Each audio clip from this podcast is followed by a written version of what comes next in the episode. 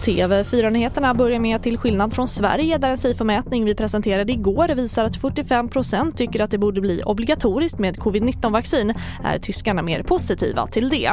Där säger nästan 7 av 10 att det borde vara ett krav och vaccinpass är redan nu inför julen självklarhet i många verksamheter i Tyskland.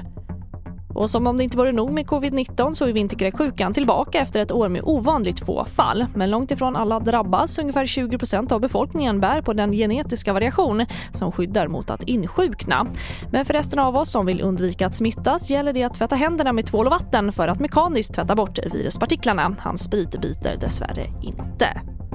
Och Karolinska universitetssjukhuset i Solna ska kunna ta emot ytterligare 500 födande kvinnor om året. Verksamheten byggs ut för att råda bot på förlossningskrisen i regionen. Men fortfarande krävs mer personal och nu hoppas de ansvariga på att kunna locka tillbaka barnmorskor som sagt upp sig på grund av underbemanning och oacceptabla arbetsförhållanden. TV4-nyheterna i studion Charlotte Hemgren.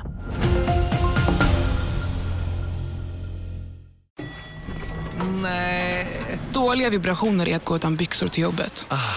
Bra vibrationer är när du inser att mobilen är i bröstfickan. Få bra vibrationer med Vimla. Mobiloperatören med Sveriges nöjdaste kunder enligt SKI.